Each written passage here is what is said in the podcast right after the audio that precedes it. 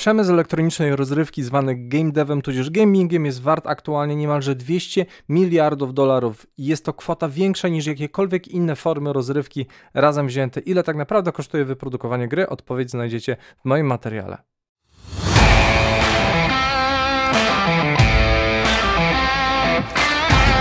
Świecie interaktywnej rozrywki gry wideo wyłoniły się jako dominująca siła kulturowa, oferując wciągające narrację, fantastyczną rozrywkę e, i rozgrywkę, oszałamiające efekty wizualne, które dorównują, a czasami nawet przewyższają ich odpowiedniki w filmie i telewizji. Od e, niezależnych, naprawdę cudnych, małych diamencików po hollywoodzkie tytuły AAA-owe. Gry są coraz popularniejszym medium, które przekracza granice wieku i demografii. Jednak za kulisami tych cyfrowych arcydzieł kryje się skomplikowany i kosztowny proces. Właśnie produkcja gier. Zrozumienie kosztów związanych z produkcją gier jest kluczowe nie tylko dla osób bezpośrednio zaangażowanych w przemysł, ale także graczy, inwestorów, którzy chcą lepiej zrozumieć skąd pochodzą ich ulubione tytuły oraz dla tych, którzy chcą zrozumieć, jakie ryzyko wiąże się z inwestowaniem w rozwijający się cały czas rynek gier. Zacznijmy więc od pewnych ustaleń i definicji. Tak więc definicja i różnice między grami. E, podział gier na e, kategorie tutaj jest zazwyczaj płynny i nie ma bardzo ustalonych reguł. Ja e, ten podział, który prezentuję tutaj, wynoszę trochę ze swojego doświadczenia, z tego co pozbierałem z różnych artykułów i materiałów i widzę taki podział gier na trzy kategorie: indie, AA i AAA. I ten podział pochodzi z czasów, kiedy jeszcze rynek zaczął dojrzewać i różnicować się pod względem e, skali produkcji i budżetu. I wcześniej te ramy były trochę prostsze, dzisiaj są troszeczkę bardziej rozmyte. I początek tego podziału ma swoją historię w 1997 roku, kiedy e, swoją premierę miał Final Fantasy VII i e, kosztował on 45 milionów dolarów, co uwzględniając dzisiejszą inflację, czyli właśnie tą zmianę wartości pieniądza, Dzisiaj ten budżet wynosiłby około 89 milionów dolarów, czyli całkiem sporo. Klasyfikacja ta mogła mieć kilka przyczyn e, i kilka jakby różnych elementów historii, gdyż podział AAA, AAA używa się chociażby w klasyfikacji papierów wartościowych, ale też używano jej w, już w dwudziestoleciu międzywojennym w ocenie sprawności maszyn e, w fabrykach. I podobnie też e, zobaczycie takie kategorie nawet na lodówkach czy pralkach, gdy określa się klasę energetyczną sprzętu właśnie AAA, AA+, i tak dalej, i tak dalej. Próbowano też poza tym podziałem właśnie Indul AA i AAA e, wprowadzić pojęcie gry Quadruple A albo AAA+, e, ale termin się trochę nie przyjął, e, bo te gry, które miały stawać się właśnie tymi quadruple AI-ami kompletnie nie wychodziły, nie wychodzą, mają cały czas problemy produkcyjne, więc troszeczkę ten termin siadł, a sam autor tego pojęcia przyznał, że popełnił po prostu literówkę, a media bardzo szybko podłapały temat, także zostajemy przy podziale właśnie indie, AA i AAA i teraz czym one się charakteryzują? Bo tak, gry indie oznaczają te niezależne produkcje, często tworzone przez pojedynczych twórców, czasami mają też e, wydawcę, e, bądź też małe zespoły, ale z budżety, e, budżety tam, właśnie to są gry z budżetami, które nie przekraczają przekraczają powiedzmy kilkuset tysięcy dolarów, co już jest i tak dość dużą kwotą, jeżeli sobie o tym pomyślicie. I pomimo tych ograniczeń gry indie często wyróżniają się tą innowacyjnością, podejmowaniem ryzyka, kreatywnością, unikalnym stylem, nie są zbyt długie, nie są zbyt duże, ale właśnie mają sobie to coś, mają tak zwane USP, Unique Selling Point, wokół którego obudowuje się często grę i historia, tam jest pełna pasji, e, wsadza się w to dużo kreatywności, no bo chce się po prostu zaznaczyć, e, zrobić jakiś statement może. E, w każdym razie mm, autorzy w bardzo ograniczonym budżecie chcą przekazać swoją wizję, dlatego też te gry nie są duże. Następnie mamy gry Double A, zwane średnimi produkcjami, nie pod kątem jakości, a bardziej pod kątem rozmiaru. Stanowią e, pomost pomiędzy właśnie indykami a AAA-ami e, i tutaj historia e, gier AA to jest historia studiów, które już zdążyły osiągać sukces na tyle duży, aby móc rozwijać projekty o większej skali budżecie ale nie na tyle duży, żeby konkurować właśnie z takimi absolutnymi gigantami branży. I gry AA często tworzone są przez większe zespoły, zazwyczaj składają się z zespołów powiedzmy od 10 do 70, może do 100 e, osób i dysponują budżetami w przedziale od kilku do kilkudziesięciu milionów dolarów. E, no i na końcu tej skali mamy oczywiście gry AAA, czyli największe, najdroższe produkcje w branży gier z budżetami sięgającymi od kilkudziesięciu do nawet kilkuset milionów dolarów. Gry AAA są tworzone przez duże studia z zespołami liczącymi setki osób. Historia gier AAA to jest historia ewolucji gier w medium o skali porównywalnej do właśnie blockbusterów filmowych.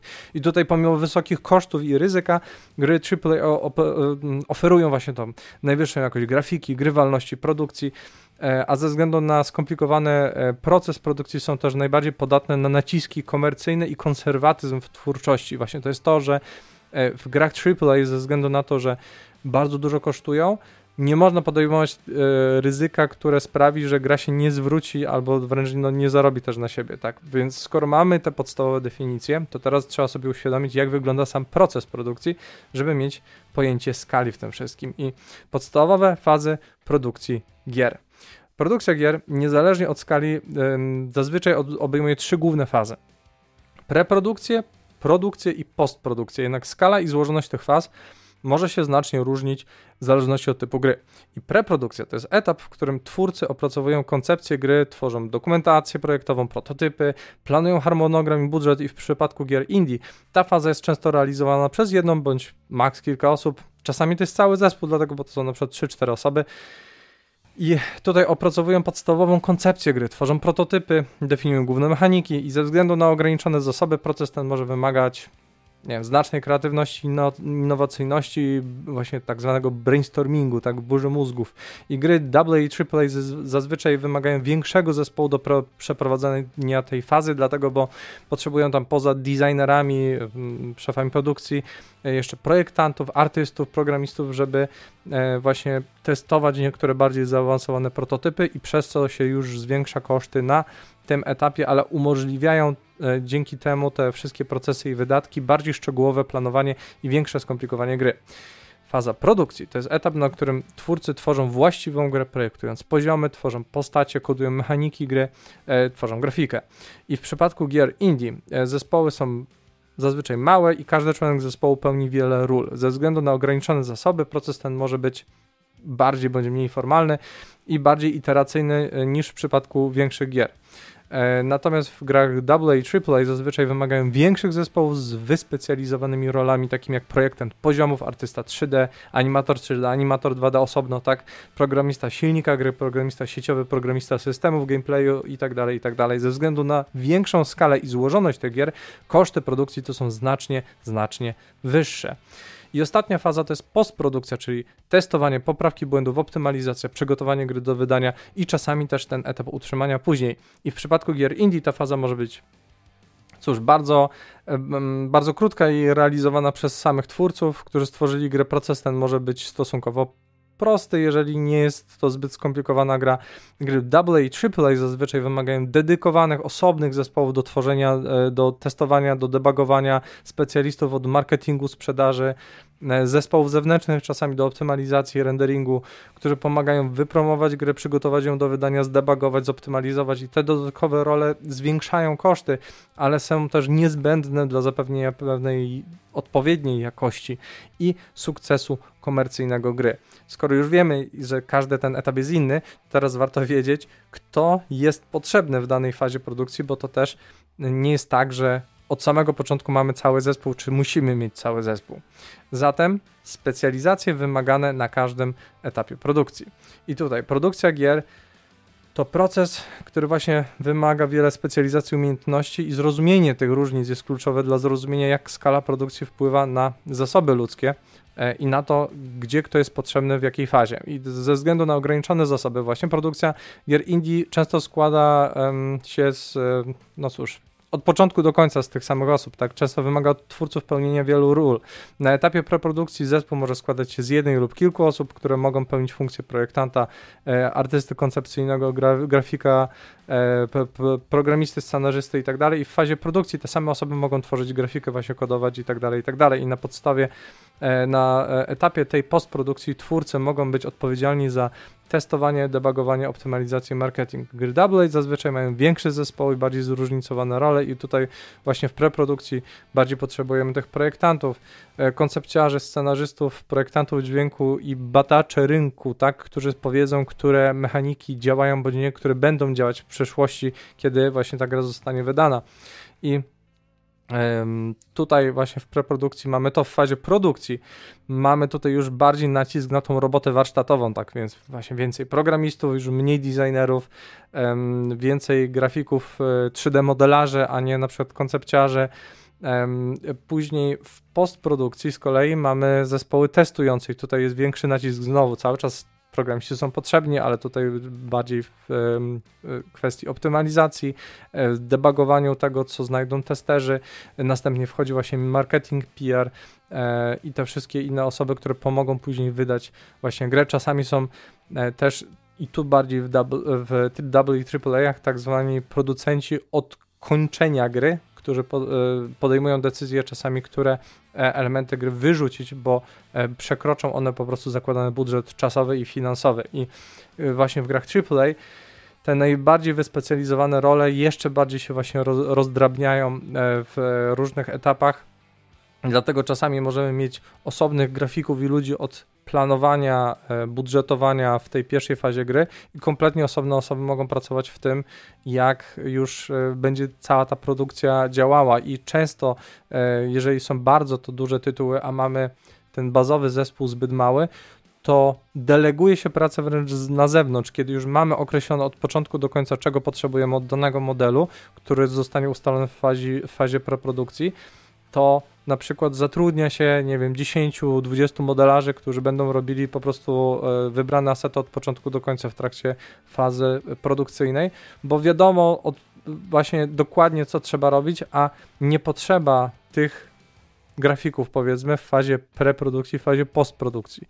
Więc często właśnie ten etap też angażuje liczbowo najwięcej osób i często też osoby spoza tego bazowego zespołu firmowego, tak więc no tutaj to jest jedna sprawa, a druga w AAA jeszcze w fazie postprodukcyjnej, no to mamy oczywiście e, masę, ale to masę pieniędzy wydawanych na marketing, tak, więc tutaj e, ludzie od promocji, ludzie od organizowania też e, eventów, tak, wydarzeń, które są związane z promowaniem danej gry, to to wszystko też się wlicza w te koszty.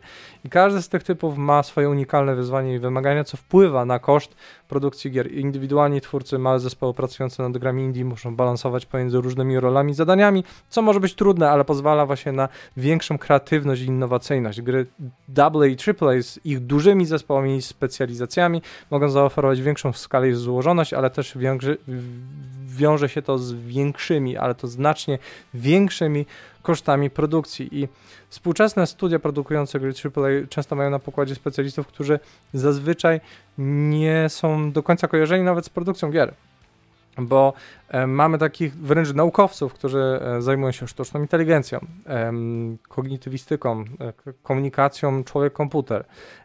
są tam czasami eksperci od fizyki, matematyki, mm, psycholodzy, analitycy rynku, którzy no, też pomagają podejmować określone decyzje, co jak rozkładamy, nie wiem, w momencie, kiedy produkujemy grę usługi i projektujemy lootboxy, to wręcz dosłownie zatrudnia się socjologów i psychologów, którzy potrafią przeanalizować to, co będzie najbardziej wciągające, więc no to są działki, które teoretycznie się nie wiążą stricte z grami, a jednak są tam potrzebne. Na koniec warto zauważyć, że choć te wymienione role i specjalizacje są kluczowe dla produkcji gier, różne studia i projekty mogą mieć unikalne wymagania i struktury zespołów, bo inaczej robimy e, grę action adventure, inaczej robimy mo mobilną grę usługę, inaczej się produkuje chociażby God of War, a inaczej Genshin Impact, tak?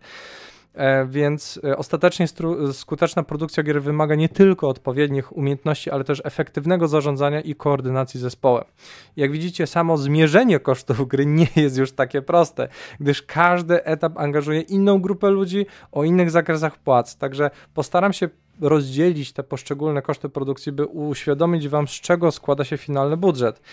I tutaj starałem się zbierać różne informacje z różnych źródeł, analizować e, raporty giełdowe, e, badać różne książki w tym zakresie, tak więc mimo to, jak gdzieś tutaj będę podawał liczby, to one często też bazują na troszeczkę starych danych. Starałem się je wybalansować o wskaźniki inflacyjne, tak żeby mieć mniej więcej wszystko złożone do takich jednolitych kosztów. Wciąż to wszystko jest obarczone e, błędem, więc jak znajdziecie inną liczbę gdzieś tam w internecie, to jest to bardzo możliwe i to nie jest tak, że jestem tutaj bezbłędny, natomiast starałem się być jak najbardziej dokładny w tym, e, co tutaj określam, e, co tutaj podaję do informacji. Także przygotujcie się na to, że to może się różnić też e, właśnie ze względu na to, że na przykład znajdziecie jakieś koszty w internecie sprzed kilku lat, teraz te pieniądze są warte inną wartość i wynoszą ileś indziej dolarów i tak dalej, więc też się przygotujcie na to, że te właśnie liczby mogą wyglądać nieco inaczej. Wciąż, tak jak mówię, staram się być tutaj jak najbardziej dokładny, więc zaczynamy po pierwsze najważniejsze koszty osobowe.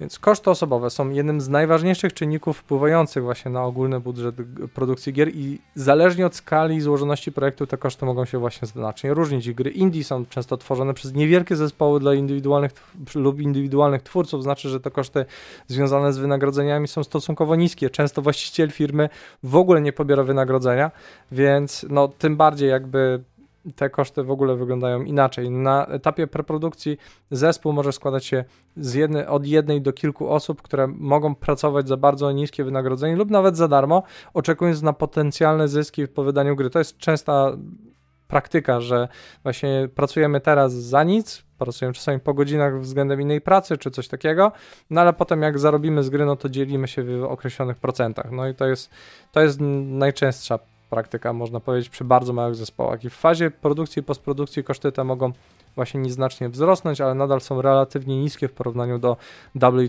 AAA-ów. I w przypadku gier AA koszty ludzkie są znacznie wyższe. Biorąc pod uwagę większą liczbę osób zaangażowanych w produkcję na etapie preprodukcji, koszty te obejmują wynagrodzenia dla projektantów, artystów, scenarzystów i innych specjalistów. W fazie produkcji jest to kolejny wzrost, bo jest więcej właśnie tej roboty warsztatowej. E, w fazie postprodukcji koszty te nadal mogą jeszcze rosnąć, dlatego, bo często właśnie e, zostaje mało czasu na optymalizację, cały zespół musi jeszcze e, właśnie pracować nad tym, a wchodzi na przykład marketing. Koszty ludzkie dla AAA są oczywiście najwyższe i tutaj przy produkcji gier na taką skalę każda faza wymaga zaangażowania dużego zespołu specjalistów, więc tutaj jakby mamy często wręcz od indie do AAA wręcz wzrost wykładniczy. Wszystko to pokazuje, jak koszty ludzkie mogą wpływać na ogólny właśnie koszt produkcji i mimo to, że im mniejszy zespół, no to tym bardziej tutaj oszczędzamy, to wciąż mamy dość duże liczby, e, bo tu warto się właśnie zastanowić w takim razie, ile zarabia twórca gier. To pytanie jest trudne, e, gdyż nie publikuje się zazwyczaj tego typu danych. E, często ludzie, którzy pracują w branży, są zobowiązani do tego, żeby nie ujawniać tych danych, wręcz nawet kolegom z firmy. Więc Całe szczęście mamy takie oddolne inicjatywy, jak chociażby Artura Gańszyńca, legendę polskiego game devu, e, który opracowuje raport o płacach w branży anonimowo zbieranych od samych twórców. I szczegóły, e, szczegółowy raport za 2022 e, znajdziecie w opisie i karcie, on jest już dostępny, a za ten rok będzie najprawdopodobniej, najprawdopodobniej publikowany w trakcie jesiennego jesiennej konferencji Game Industry Conference, na którą też zapraszam. I żeby nie zasypać Was tutaj strasznymi jakimiś liczbami, to tak. Najniższa wypłata oscyluje wokół powiedzmy minimalnej krajowej i jest to zazwyczaj początkujący grafik 2D lub QA, czyli tester to też nie jest do końca to samo, bo tester, a zapewnienie jakości to są też różne kompetencje. W grach często to jest tożsame, w IT nie, także tutaj malcontentów odsyłam do, do zrozumienia, że w game devie niektóre role są, mimo że niezgodne z definicjami, to są wymienne. No i oczywiście najwięcej zarobi tutaj szef, dyrektor, manager, lead techniczny i tutaj rekordem w raporcie była wypłata rzędu 55 tysięcy złotych miesięcznie na rękę. E, ale przeważnie ona oscyluje dla takiego wysoko wykwalifikowanego specjalisty od 15 do 30 tysięcy miesięcznie. I wszystko to zależy od doświadczenia, stanowiska, zakresu kompetencji, istotności wpływu na projekt, ale też cóż, jest to trochę uznaniowe mimo wszystko, czyli nie ma jakiegoś takiego ogólnego wewnętrznego systemu gradacji płac, dostaje się po prostu tyle, ile się wynegocjuje. W niektórych firmach, w których pracowałem, było tak, że było po prostu wprost powiedziane, że dana osoba na danym stanowisku z danym doświadczeniem może zarabiać odtąd dotąd i w zależności od tego, jakie ma dobre wyniki, to tyle dostanie pieniędzy. I to jest najbardziej fair, wtedy też nikt nie wypytuje, nie ma zazdrości, bo każdy po prostu wie, do czego aspiruje. Natomiast w wielu firmach jednak to jest tak, że to jest uznaniowe. I uśredniając więc w Polsce mediana zarobków, czyli ta najczęściej, naj, najczęstsza wypłata, powiedzmy tak, w GameDevie to około 9200 zł e, miesięcznie, a średnia to nieco ponad 11, czyli dla maksymalnego uproszczenia przyjmijmy więc, że miesięcznie e, wynagrodzenie deva e, ze średnim już doświadczeniem, ale już okrzepniętego powiedzmy w branży, to jest jakieś 10 tysięcy złotych miesięcznie. Nie wszyscy teraz zarabiają, to jest fakt. I często im te mniej popularne bądź mniej doceniane um, profesje, no to tym ta wypłata będzie gradowała w dół niestety. No i jak to wygląda w Stanach? E, w USA, żeby było zabawniej, miesięczne zarobki wynoszą mniej więcej tyle samo, tyle że w dolarach właśnie. I według większości portali mediana to nieco ponad 115 tysięcy y, dolarów rocznie, a średnia lekko ponad 120 tysięcy dolarów rocznie, więc no po prostu 10 tysięcy dolarów. Tylko tutaj pamiętajcie, że wchodzą oczywiście różnice regionalne i w kosztach życia. Przeciętne koszty życia w takim mieście jak Los Angeles stosunku, czy Nowym Jorku w stosunku do nie wiem, Warszawy są ponad dwa razy wyższe, a koszty pracownika w Stanach z racji tego, że duża część kosztów powiedzmy społecznych, typu ubezpieczenie czy, czy ochrona zdrowotna, jest sprywatyzowana i to sprawia, że po amortyzacji amerykański deweloper zarabia więcej niż polski, jasne, ale to nie jest wprost przelicznik walutowy, czyli to nie jest 3-4 razy więcej. To jest więcej, ale nie aż tyle po prostu. I teraz pomyślcie, że musicie utrzymać zespół 30 osób przez rok. Już w tym momencie koszt produkcji to jest 3,6 miliona złotych na rok. A to jest dopiero początek kosztów. I co jeszcze do tego wchodzi? Jedziemy dalej. Koszty oprogramowania. E, oprogramowanie jest niezbędne na każdym etapie produkcji gier, a jego koszt może znacznie różnić się w zależności od skali i złożoności projektu. Dla gier indie Twórcy często korzystają z tych darmowych, niskobudżetowych narzędzi. Najpopularniejsze komercyjne silniki gier, takie jak Unreal Engine, Godot czy Unity, są oczywiście za, za darmo. Mogą również korzystać z tańszych wersji profesjonalnych narzędzi, takie jak nie wiem, Adobe Creative Suite dla tworzenia grafiki, Reaper dla dźwięku. W niektórych e, przypadkach twórcy też mogą korzystać z darmowych narzędzi open source, które mogą wymagać więcej pracy, ale są mniej kosztowne. Często korzysta się na przykład do 3D z Blendera. To zresztą z Blendera się korzysta generalnie na każdym etapie, w każdym rozmiarze projektu, tylko bardziej to jest kwestia potrzeb i możliwości i, i pewnych, no, bo tutaj zazwyczaj jest taki wybór pomiędzy mają 3D od Autodesku, który jest dość drogi, a Blenderem, który jest darmowy, więc tutaj no, no tu właśnie e, jest często kwestia gustu, powiedzmy tego, do czego jesteśmy przyzwyczajeni, pod zapotrzebowania powiedzmy na niektóre funkcje, które są w Blenderze, nie ma w Mai i tak dalej, i tak dalej.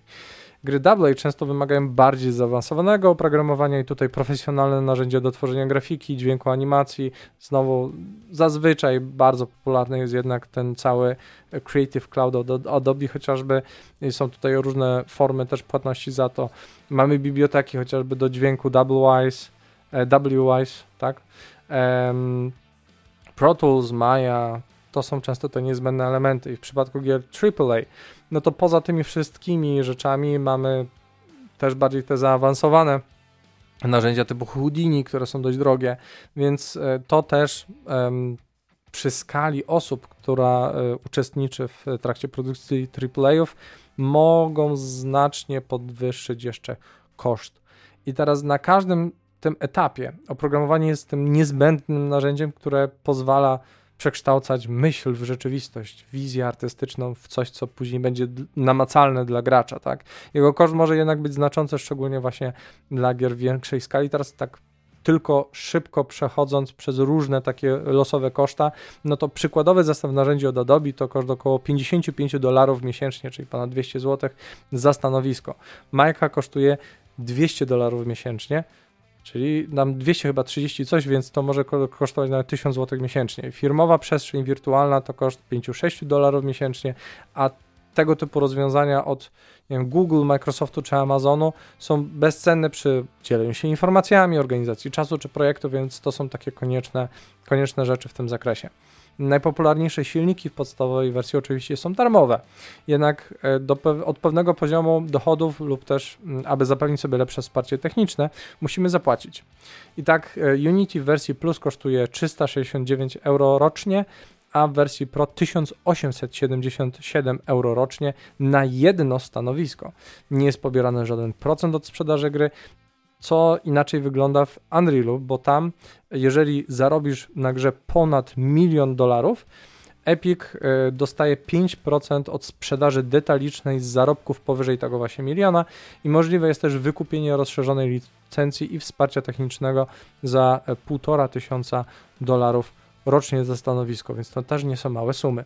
W obu tych przypadkach możliwe jest indywidualne e, opracowanie planu płatności. Są programy studenckie, programy dla indyków, różne promocje, ale wciąż to są e, dość duże koszty sumarycznie, więc e, do tego jeszcze trzeba na przykład, nie wiem, programiści lubią pracować też w Riderze, czy mają różne pluginy do programowania, które kosztują, powiedzmy Rider chyba kosztuje kilkaset złotych rocznie i to jest bardzo przydatne narzędzie, ale to jest wciąż dodatkowy koszt. I jest jeszcze szereg innych przydatnych programów, które ostatecznie mogą się składać właśnie na te koszty liczone w setkach dolarów na osobę miesięcznie i to już znowu jest kolejny koszt. Więc mamy już ludzi, mamy już soft, teraz porozmawiajmy o sprzęcie.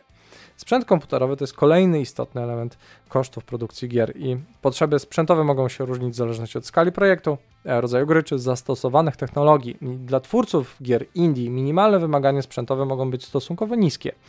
E, twórcy mogą pracować na standardowych takich komputerach osobistych, które są wystarczająco potężne do obsługi podstawowych narzędzi twórczych i silników gier i koszt ten może wynieść od kilku tysięcy złotych za stanowisko w zależności e, od specyfikacji i tutaj patrząc na aktualne zestawy, chociażby na kanale Tech Lipton, który bardzo polecam, komputer za 7000 zł powiedzmy jest absolutnie wystarczający. To czy do pracy z Unrealem, czy do pracy z Unity, to wystarczy w zupełności. Produkcja gier AA wymaga bardziej zaawansowanego sprzętu. Komputery muszą być w stanie obsługiwać zaawansowane silniki gier, narzędzia twórcze, co zwiększa moc obliczeniową. Taki, nie wiem, Photoshop, Unreal, to dosłownie no zeżrą tyle pamięci, ile im dacie. Więc tutaj dużo pamięci RAM, szybkie dyski, potężne karty graficzne, koszty te mogą z miejsca przekraczać granice no 10 tysięcy złotych za stanowisko co najmniej. W przypadku gier AAA wymagania sprzętowe są najwyższe. Oczywiście studia produkcyjne AAA często korzystają z najnowszych technologii, e, z ray tracingu, ze wszystkich tych e, bzdur i tutaj Dodatkowo studia muszą inwestować jeszcze w e, serwery do testów archiwizacji danych obsługi gier sieciowych, to za chwilę jeszcze i w sumie koszt sprzętu na stanowisko dewelopera e, domyka się ledwo poniżej 20 tysięcy, a niektóre stanowiska czy stacje robocze, chociażby dla zaawansowanych e, grafików, no, wymagają kosztów spokojnie około 30 nawet tysięcy złotych za stanowisko i wzwyż. I trzeba pamiętać, że do produkcji gier potrzebne są nie tylko komputery pracowników. W zależności od typu gry potrzebne są serwery do utrzymania struktury sieciowej oraz na repozytoria projektów. Potrzebne są build maszyny, tak zwane, które w zautomatyzowany sposób na bieżąco budują i testują projekt, usprawniając w tym całą pracę zespołu i minimalizując koszty osobiste. E, czy osobowe, przepraszam. I tutaj osobiste też. Koszt takiego jednego serwera, który jest wielozadaniowy, e, to zakres kilkudziesięciu do ponad 100 tysięcy złotych. I e, ponadto, jeżeli tworzymy gry na konsolę, potrzebujemy devkity i testkity. Specjalne wersje konsol o rozszerzonej architekturze sprzętowej, które możemy kupić lub dostać od danego właściciela platformy po podpisaniu umowy partnerskiej. Nie mogę tutaj zdradzić szczegółów, ale często ten pierwszy devkit otrzymuje się za darmo przy podpisaniu umowy, czy tam za symboliczną kwotę, natomiast kolejne e, to są często koszty rzędu setek i tysięcy dolarów. Skoro mamy już kim i czym robić grę, to co nam zostało? No jakoś musimy grę sprzedać, tak? Więc koszty marketingu. Marketing jest kluczowym aspektem produkcji gier, który często jest niedoceniany, a jego koszty mogą znacznie różnić się e, w zależności od typu gry. I tu twórcy gier indie często mają ograniczony budżet na marketing, większość promocji może opierać się na działaniach organicznych, takich jak media społecznościowe, blogowanie czy udział w wydarzeniach branżowych. E, można też zrobić to przez YouTube, ja tak trochę planuję, ale e, Michael Bell chociażby z Bellular News właśnie najpierw wystartował kanał, zebrał całkiem niezły following i potem i jego zespół jednocześnie produkuje grę, wydało grę Pale Beyond, którą też bardzo polecam. Może kiedyś zrobimy streama z tego. Ja bym bardzo chętnie to yy, zrobił. Dajcie znać, czy chcecie zobaczyć mój stream z Pale Beyond. Tak. O. E, niektóre studia indie mogą zdecydować się też na wydanie niewielkiej sumy na płatne reklamy w internecie, e, bądź też zlecenie twórcy treści, aby zaprezentować e, ich grę właśnie do streamerów, do, do różnych podcastów. Często są podsyłane klucze właśnie, żeby jakoś zamarketingować, zareklamować grę. Koszty te jednak nie są jakoś duże, na pewno nie tak duże jak w stosunku do AA i AAA i tutaj często jeżeli cały zespół skupia się na produkcji, to zatrudnia się jednego, dwóch dobrych specjalistów, którzy takie rzeczy ogarniają. To jest ten koszt tych, pracy tych dwóch, powiedzmy, osób, więc to jest kilkadziesiąt tysięcy złotych miesięcznie przez tylko fazę postprodukcji. Dla gier AA. Koszty marketingu są znacznie wyższe i tutaj studia produkujące tego typu gry zatrudniają zewnętrzne agencje marketingowe, które pomagają w promocji gry przez różne kanały albo mają właśnie wsparcie wydawcy. Często wydawca też poza inwestycją w dany zespół pomaga właśnie w kwestii marketingowej. Tak na przykład robi mm, nie wiem, Eleven Beat Studios, tak? No, oni mają świetny zespół marketingowy, są jednocześnie bardzo, bardzo dobrym, e, chwalonym wydawcą i właśnie oni też ogarniają e, chociażby nie wiem, produkcję trailerów, w sensie oni się tym zajmują, e, czy zlecają to innym firmom, no ale oni jakby tym się wszystkim opiekują. Mm, I Tutaj jeszcze dodatkowo dochodzi cała obsługa mediów społecznościowych, reklamy online, telewizyjne może czasem. Wchodzimy tutaj w etap liczony od kilkunastu do kilkudziesięciu, ale uwaga, tym razem procentu całego budżetu gry, więc to już są rzędy e, kilkuset, nawet kilku milionów e, złotych więc to nie jest już tania zabawa. I w przypadku gier AAA budżety marketingowe często są równie wysokie, a czasami nawet wyższe niż budżet samej produkcji. Rozumiecie, to jest tak jak z filmami e, blockbusterowymi w Hollywood, tak, że mamy, nie wiem, 200 milionów na produkcję filmów i 200 milionów na marketing. To z gram jest podobnie, a czasami nawet ten marketing bywa droższy. Bo mamy y, reklamę w telewizji, w kinach, no przecież widzieliście chociażby, nie wiem, jak byliście w kinie, reklamy God of War, czy, czy Legend of Zelda, Tears of the Kingdom, czy Call of Duty chociażby. Niektóre gry AAA mają też swoje budżety na tworzenie i dystrybucję specjalnych edycji kolekcjonerskich, sponsorowanie turniejów e-sportowych, czy zatrudnienie znanych osób do promocji gry. No chociażby w Evil West Danny Trejo, o ile dobrze pamiętam, na przykład był taką twarzą reklamową, gdzieś tam był jeden spot z nim, no to zapłacenie mu kasy za to, no to to nie jest też taki bardzo tani deal. I podsumowując, koszty marketingu są istotną częścią budżetu produkcji gier, mimo że twórcy gier indie zazwyczaj mogą sobie radzić y, sami y, czy z małą pomocą, tak właśnie gry AA i AAA muszą już wydawać tutaj masę pieniędzy. E, no i oczywiście, no, dlaczego w ogóle wydajemy na ten marketing? W dzisiejszych czasach produkuje się masę, ale to masę gier wręcz dziennie więc tym samym, żeby gra została zauważona, musi być promowana. Jeżeli nam zależy na tym, żeby mieć odpowiednią sprzedaż, żeby się zwróciła, żeby wydawca czy inwestor był zadowolony, trzeba grę promować, bo jeżeli kiedyś powiedział tak Rafał Zaręba w świetnym filmie Wszystko z nami w porządku. Gry się w pierwszej kolejności dzielą na te, o których słyszymy i których nie słyszymy. I dopiero te, o których słyszymy, możemy rozważać w kategoriach dobre, złe. Więc właśnie, żeby gra była usłyszana, to potrzebujemy marketingu. I wydawałoby się już, że wszystkie e, koszty zostały wymienione, ale nie, sprawy nie są takie proste. Wszak po wydaniu gry trzeba jeszcze zadbać o utrzymanie produktu, tak? Więc mówimy o kolejnych kosztach. Koszty po wydaniu gry. Kiedy gra zostanie wydana, koszty produkcji się nie kończą. W rzeczywistości dla wielu gier, szczególnie dla sieciowych e, czy gier usług, koszty po wydaniu gry mogą stanowić znaczną część całego budżetu. I dla gier indie te koszty mogą obejmować utrzymanie serwerów, jeżeli gra ma funkcję online, aktualizację i poprawki e, błędów oraz ewentualne dodatki czy rozszerzenia. Twórcy indie mogą też poświęcić czas i zasoby na E, wsparcie dla graczy, obsługę społeczności, e, media społecznościowe, fora, e-mail. Pamiętajcie jeszcze, że mamy taki tryb jak Early Access, gdzie cały czas gracze dają feedback i wtedy twórcy na to reagują, to cały czas jest praca jeszcze, bo wtedy teoretycznie gra nie jest wydana. Gry AA i AAA często wymagają znacznie więcej wsparcia po wydaniu. To te regularne poprawki, aktualizacje, zarówno naprawy błędów, jak i dodawanie nowej zawartości. Gry te mogą wymagać ciągłego wsparcia serwerowego, szczególnie jeżeli mają duże aktywne społeczności graczy. Dodatkowo gry te mogą znacznie, e, znacznie sumy wydawać na e, ten marketing powydawnicze, aby utrzymać zainteresowania grą. Dlatego, bo no, mało która gra, to, to za niedługo będę wspominał, mało która gra potrafi e, odkuć koszty zaraz po wydaniu. No, dlatego trzeba cały czas jednak tą, te gry promować. Koszty po wydaniu gry mogą też obejmować zarządzanie społecznością, tak jak moderowanie forów, organizowanie wydarzeń, prowadzenie mediów społecznościowych dla, dla gier AAA. E, te działania mogą wymagać wręcz pełnoetatowego E, personelu. Co prawda po wydaniu gry, która nie jest sieciową y, grą, usługą, większość zespołu pracuje już nad nową produkcją, ale nadal trzeba zadbać o produkt, o graczy, co nadal kosztuje niemało. I to dalej nie jest koniec wydatków, bo kolejnym aspektem są koszty prawne i licencyjne. I tutaj nie może to być y, pominięte, tak? Y, mamy koszty prawne, administracyjne, licencyjne, zależą od wielu czynników, oczywiście od skali zespołu, od skali gry, tego czy wykorzystujemy na przykład licencjonowaną muzykę.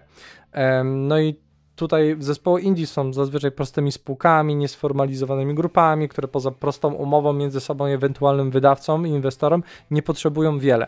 Potrzebują zazwyczaj prawnika, który mi obsłuży formę prawną na początku, dopilnuje umów, e, dopilnuje papierów. E, to ogarnięta osoba, jedna ogarnięta osoba potrafi zrobić. Natomiast dla gier AA i AAA koszty prawne licencyjne są zazwyczaj znacznie wyższe, bo właśnie chociażby licencja muzyki czyjś znanej twarzy, tak, e, może wymagać licencji i no, za to wszystko trzeba płacić i często przecież słyszycie o takich e, przypadkach, że gra jakaś schodzi ze Steama na przykład po 10 latach, dlatego, bo muzyka tam wykorzystywana e, stracił, jakby twórca stracił licencję na używanie tej muzyki, muszą ją wykroić najpierw z gry, zrobić nowego builda, e, albo muszą dopłacić po prostu za licencję. No co jest też dodatkowym kosztem, zwłaszcza, że taka gra po 10 latach na Steamie zazwyczaj już dużo nie zarabia. E, wreszcie mm, też no, utrzymanie firmy samo w sobie jest drogie, tak? W sensie trzeba czasami zapłacić za biuro, za, nie wiem, owoce dla pracowników, wodę, cokolwiek, więc e, tutaj mamy te dodatkowe koszty, o których zazwyczaj nie myślimy, a które trzeba też brać e, pod uwagę, kiedy prowadzi się już firmę, tak? Czyli właśnie w przypadku AA i AAA, kiedy mamy już te więcej, e, więcej osób, mamy pewną odpowiedzialność za nich, no to też mamy też dodatkowe koszty. W zależności więc od skali, powyższe opłaty mogą stanowić dużą część budżetu, stąd nie można ich pominąć w tym całym zestawieniu. E, tak samo jak ostatniego punktu, który jest bardzo istotny, z perspektywy oceniania kosztów, no bo mamy pewne też różnice regionalne w kosztach. I tutaj różne regiony na świecie mają różne koszty życia, płac, infrastruktury, co może wpływać na ogólny koszt prowadzenia studia growego. Tak? Indie e, game dev może skorzystać z niskich kosztów życia i wynagrodzeń w niektórych regionach, co może obniżyć E, ogólne koszty produkcji. No też często indyki pracują w domu, po godzinach, więc też jakby no, nie prowadzą biura, to jest jedno, ale też często korzystają z pracy zdalnej od podobnych gdzieś tam pasjonatów na drugim końcu świata.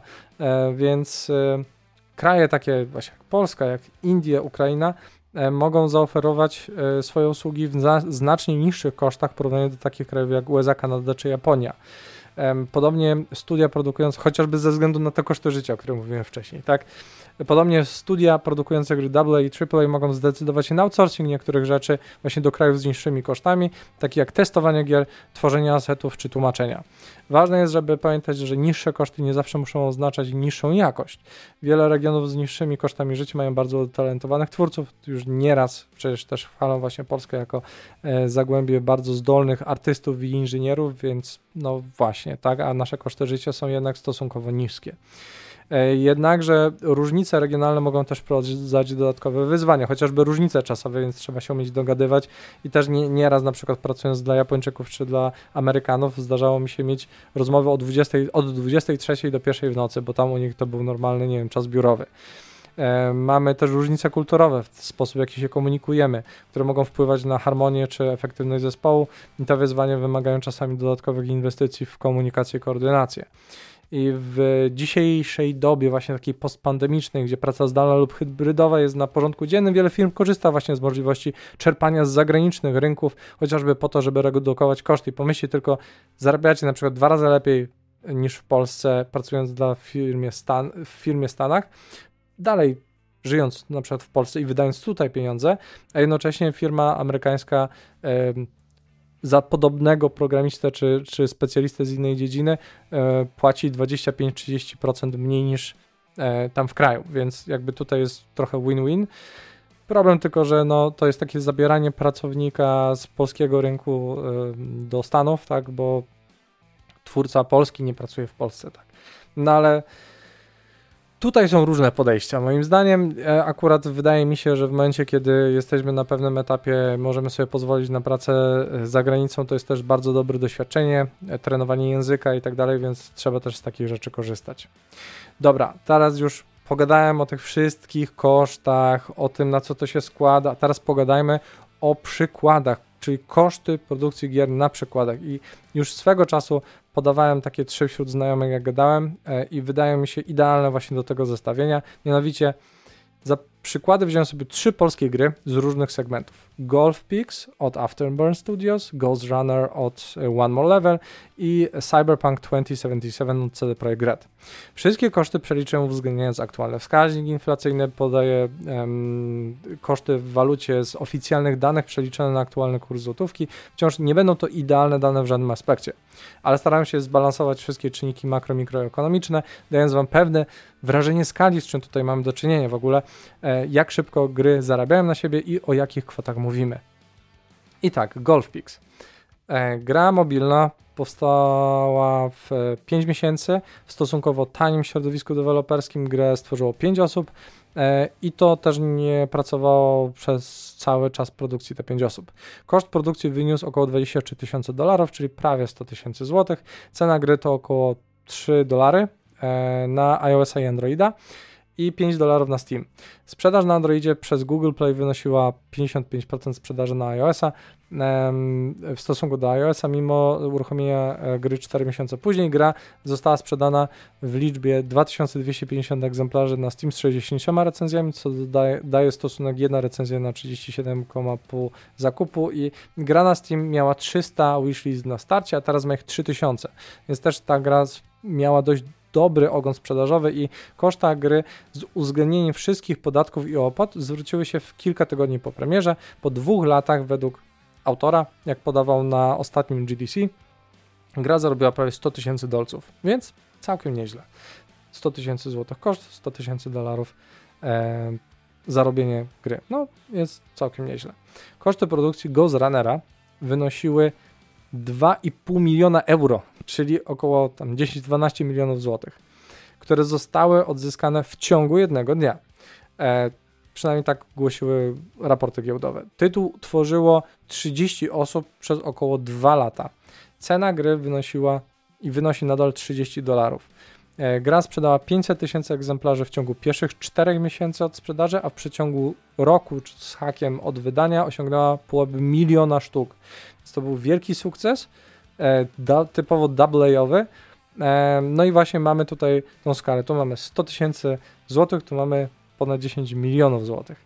i Cyberpunk 2077. Szacuje się, że koszt rozwoju Cyberpunka wyniósł 120 milionów dolarów, czyli około 454 miliony złotych. Koszty marketingowe i inne pośrednie mogły wynieść około 100 milionów dolarów, czyli 370 milionów złotych. Stąd całkowity budżet wyniósł po uwzględnieniu inflacji niecałe 250 milionów e, dolarów, e, a tym samym przebiło koszt całkowity miliarda złotych.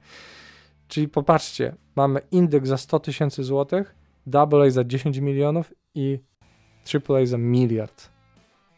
To jest trochę skali, prawda? Cena początkowa gry to 60 dolarów, teraz oczywiście jest tańsza. Koszty y, tytułu zwróciły się na etapie preorderów, czajcie? Czyli macie prawie milion, miliard dolarów kosztów i zwrócił się on zanim w ogóle gra została wydana. Co się później działo oczywiście, to jest inna sprawa, ale dosłownie z samych preorderów sobie odbyli koszty. To jest niesamowite, to jest ewenement, trzeba przyznać, bo rzadko kiedy też tak jest, ale to jest właśnie, wydaje mi się, taki znamienny przykład, zwłaszcza, co się później działo potem. Od grudnia 2020, gdy miała miejsce premiera gry, tytuł jest nadal utrzymywany i poprawiany, no, całe szczęście, a niebawem wychodzi do niego jeden duży dodatek fabularny. I ważne jest zapamiętanie, że sukces finansowy gry nie zawsze jest bezpośrednio proporcjonalny do jej kosztów produkcji. Często gry o niskim budżecie, jak właśnie Golf mogą osiągnąć sukces finansowy, podczas gdy gry o wysokim budżecie, takie jak właśnie Cyberpunk, mogą nie spełniać pewnych oczekiwań finansowych mimo dużej inwestycji. Zwłaszcza, że zachodnie oddziały Square Enix na przykład, pomimo sprzedaży na poziomie kilku milionów sztuk, oficjalnie podawały informacje, że ich gry nie spełniały oczekiwań finansowych, co jest no, dziwne. A propos oczekiwań, przeanalizujmy teraz dwie duże i bardzo drogie wpadki. Tak więc Forspoken i The Callisto Protocol, wielkie budżety i wielkie porażki. Forspoken, czyli gra opracowana przez Luminous Production i wydana przez Square Enix, miała Szacunkowy koszt ponad 100 milionów dolarów, jednak gra nie spełniła oczekiwań graczy i krytyków po jej wydaniu. Recenzje i opinie graczy wskazywały na szereg problemów, które przyczyniły się do słabego odbioru gry, w tym postrzegane problemy e, z dialogami, brakiem bogactwa przestrzeni, e, słabym designem w otwartym świecie, no i problemy oczywiście z wersją na e, PC-ta. I w odniesieniu do danych szczegółów, do, do, do jakości. No, gra była krytykowana przez niewłaściwe optymalizacje, e, zwłaszcza w odniesieniu do wymagań systemowych na, na, na PC, które były po prostu z kosmosu. No i e, to wszystko wpływało na e, jakość gry i ostateczne oceny. W przypadku Luminos akurat masa środków poszła na rozwój silnika do gry. I narzędzie to było wykorzystywane nie tylko przez Forspoken, ale też przy Final Fantasy XV Final Fantasy XVI, e, które, którego nowa iteracja będzie bazą też dla Final Fantasy XIV już niedługo. I każda z tych gier miała inne potrzeby, a utrzymanie własnego silnika jest bardzo, ale to bardzo kosztowne.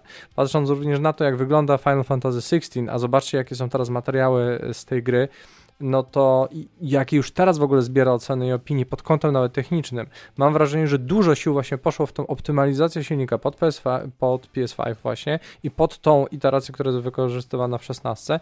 Stąd właśnie e, problemy wersji PC-owej i stąd też problem troszeczkę z e, samym Forspoken, które podejrzewam, że na pewnym etapie było poprojektowane, ta preprodukcja była jakaś tam, ale sama produkcja no niestety tutaj poszła jakby te proporcje w niewłaściwym kierunku.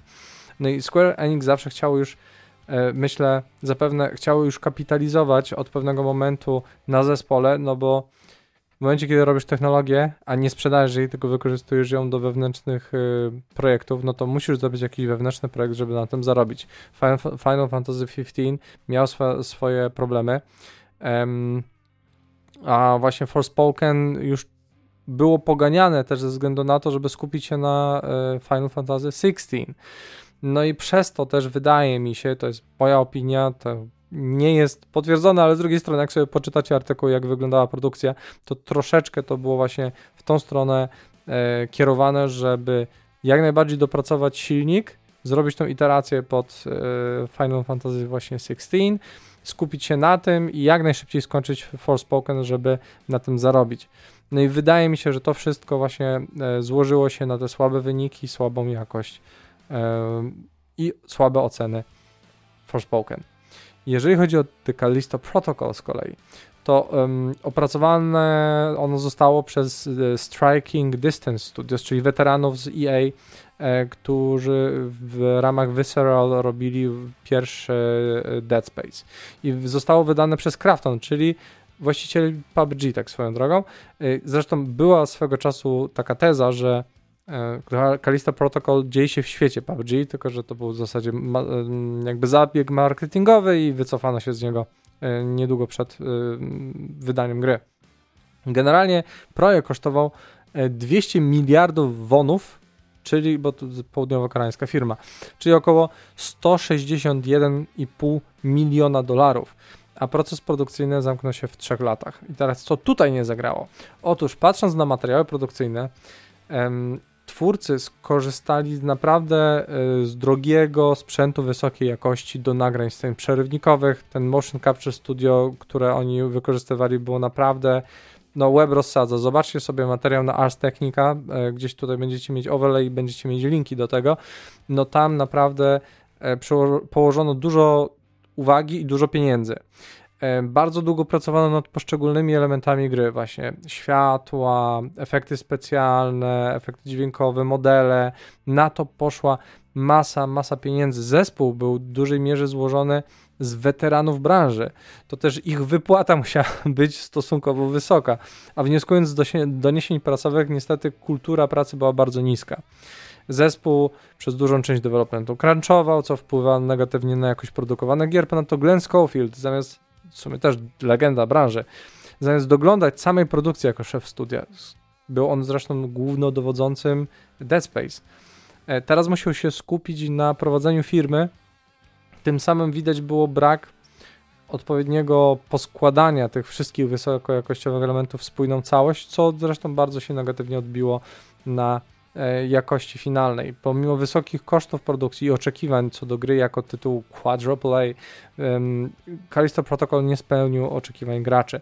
Początkowo przewidywano, że gra może osiągnąć skumulowaną sprzedaż około 5 milionów egzemplarzy, co byłoby niesamowitym sukcesem, ale z powodu słabszej niż przewidywano właśnie sprzedaży, obecnie jest mało prawdopodobne, aby nawet osiągnąć te 2 miliony sztuk, które Krafton przewidywał. E, niezadowalające wyniki sprzedaży wpłynęły negatywnie na e, cenę akcji wydawcy właśnie Krafton w odpowiedzi na niepowodzenie gry mają zamiar teraz monetyzować tyle, ile się da na DLC-kach, na dodatkach kosmetycznych i tego typu rzeczach. Tylko pytanie, czy to wystarczy. No bo jednak zaufanie graczy zostało zawiedziono, e, zawiedzione gra bardzo szybko spadła z ceny tej bazowej i no teraz już gra się w to lepiej, ale szczerze powiedziawszy, no to nie jest dalej ten poziom, którego byśmy oczekiwali od tak doświadczonego zespołu. No ale no właśnie w momencie, kiedy osoba kreatywna, która dowodzi zespołem, nagle zostanie wsadzona na stanowisko prezesa i musi zajmować się biznesem, a nie e, faktycznie produkcją, albo musi co chwila odbijać się pomiędzy właśnie prezesurą a, a prowadzeniem faktycznie kreatywnym gry, no to niestety to mogą być tego takie efekty.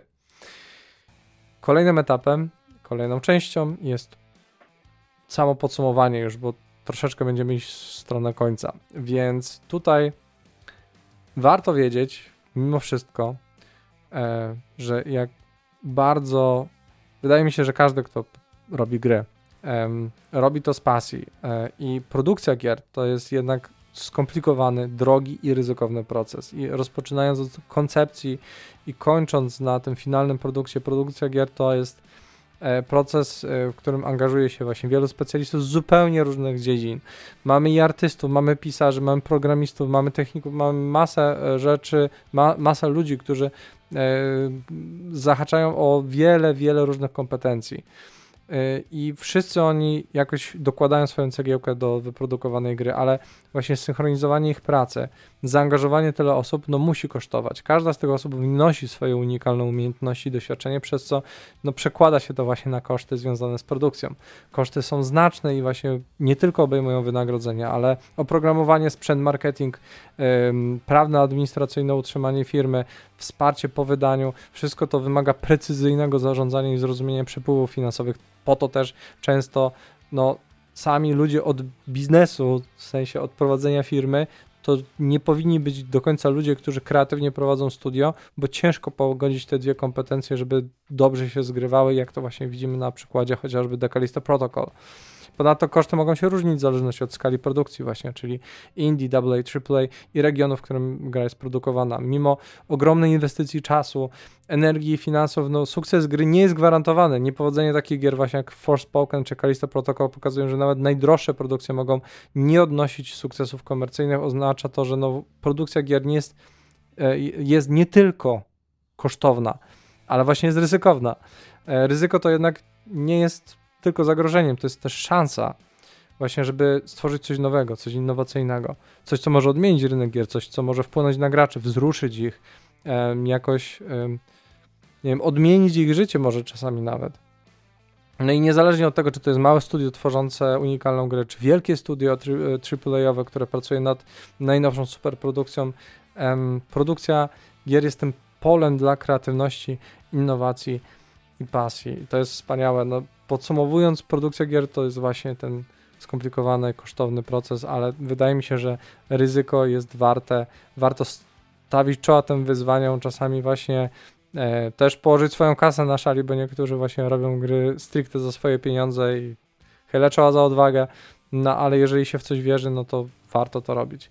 No patrząc też w przyszłość, patrząc na właśnie nowe wyzwanie, możliwości w produkcji gier, ten biznes cały czas ewoluuje, przynosi no, nowe, nowe przeszkody, ale i też nowe pomoce, nowe narzędzia wraz z postępem technologii. Oczekiwania graczy wzrastają, zatem rosną koszty produkcji. No i nowe technologie, takie jak wirtualna rzeczywistość, rozszerzona rzeczywistość, AI, blockchain, mogą wpłynąć na zmianę struktury kosztów produkcji gier, wprowadzając nowe elementy do tego równania.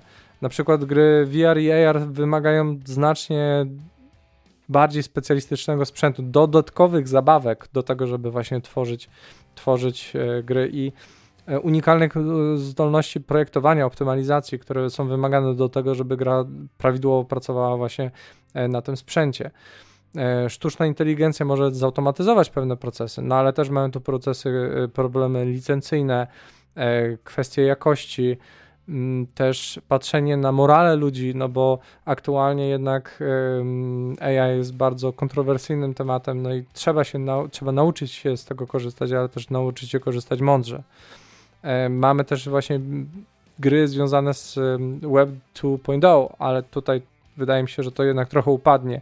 Myślę, że za jakiś czas, kiedy spadnie ta pierwsza fala tego, tych problemów z blockchainem, zostanie to lepiej zrobione w przyszłości, wróci ten um, DOASG model play to earn, gdzie właśnie przez blockchain będziemy jakoś tam zarabiać jeszcze dodatkowo, chociaż już teraz możemy to robić bez tych wszystkich flepów związanych z NFT i blockchainem, gdzie po prostu możemy tworzyć swoje levele, e, modele mechaniki, chociażby w Robloxie, czy teraz właśnie w tym edytorze związanym z e, Fortnite'em w ramach Epica, gdzie właśnie możemy tworzyć nowe rzeczy i możemy je sprzedawać w sklepie. I to jest też znowu kolejny ciekawy e, element, który być może na przykład po, pozwoli na to, żeby nowe kadry, nowe zasoby ludzkie włączyły się do branży i przez to że nie, nie trzeba będzie zaznajamiać od początku na przykład juniorów, praktykantów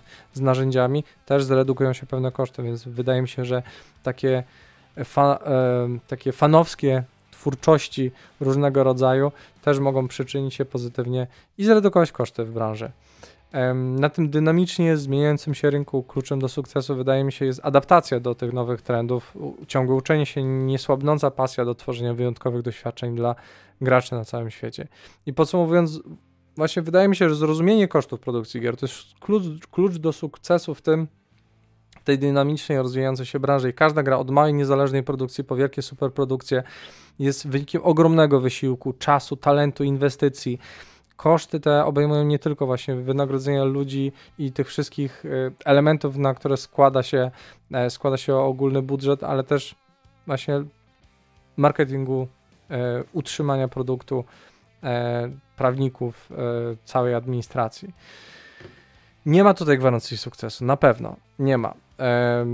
właśnie podając te takie przykłady, jakie podawałem, no widzimy, że to, to nie jest prosty kawałek chleba, ale wciąż wydaje mi się warto i mam nadzieję, że wystarczająco, wyczerpująco przedstawiłem tutaj na co składa się e, koszt wyprodukowania gry. Pokazałem Wam parę przykładów z naszego rodzimego poletka oraz dowód na to, że co prawda bez pieniędzy ciężko wydać grę, ale nawet posiadając duży budżet, popełnienie kilku błędów może zawalić kompletnie nawet najbardziej wyszukany projekt. Wszystkie źródła do tego materiału znajdziecie w opisie. Jeżeli wolicie wersję audio, znajdziecie mnie również na wszystkich popularnych platformach podcastowych wpisując Okiem Deva. Dajcie znać, jeżeli interesują Was takie materiały i jeżeli siedzą Wam w głowie kolejne tematy do przeanalizowania i jakie, no piszcie w komentarzach. E, tutaj ja bardzo chętnie podejmę się też różnych tematów związanych z game devem, które nikt wam nie powie, nikt wam nie powiedział do tej pory, a zastanawialiście się nad nimi. Ja bardzo chętnie przyjmę kolejne, mam jeszcze sporo ich w kolejce, ale wciąż jeżeli usłyszę od was, że chcecie y, posłuchać czegoś na dany konkretny temat, e, chcecie kompilacji, analizy jakiegoś konkretnego zjawiska, to bardzo chętnie się tego podejmę. Dodatkowo będę wdzięczny za lajki i suby, które nakarmią YouTube'owy algorytm. E, pozostaje mi więc życzyć Wam samych dobrych kontaktów z popkulturą i spojrzenia na gry okiem Deva.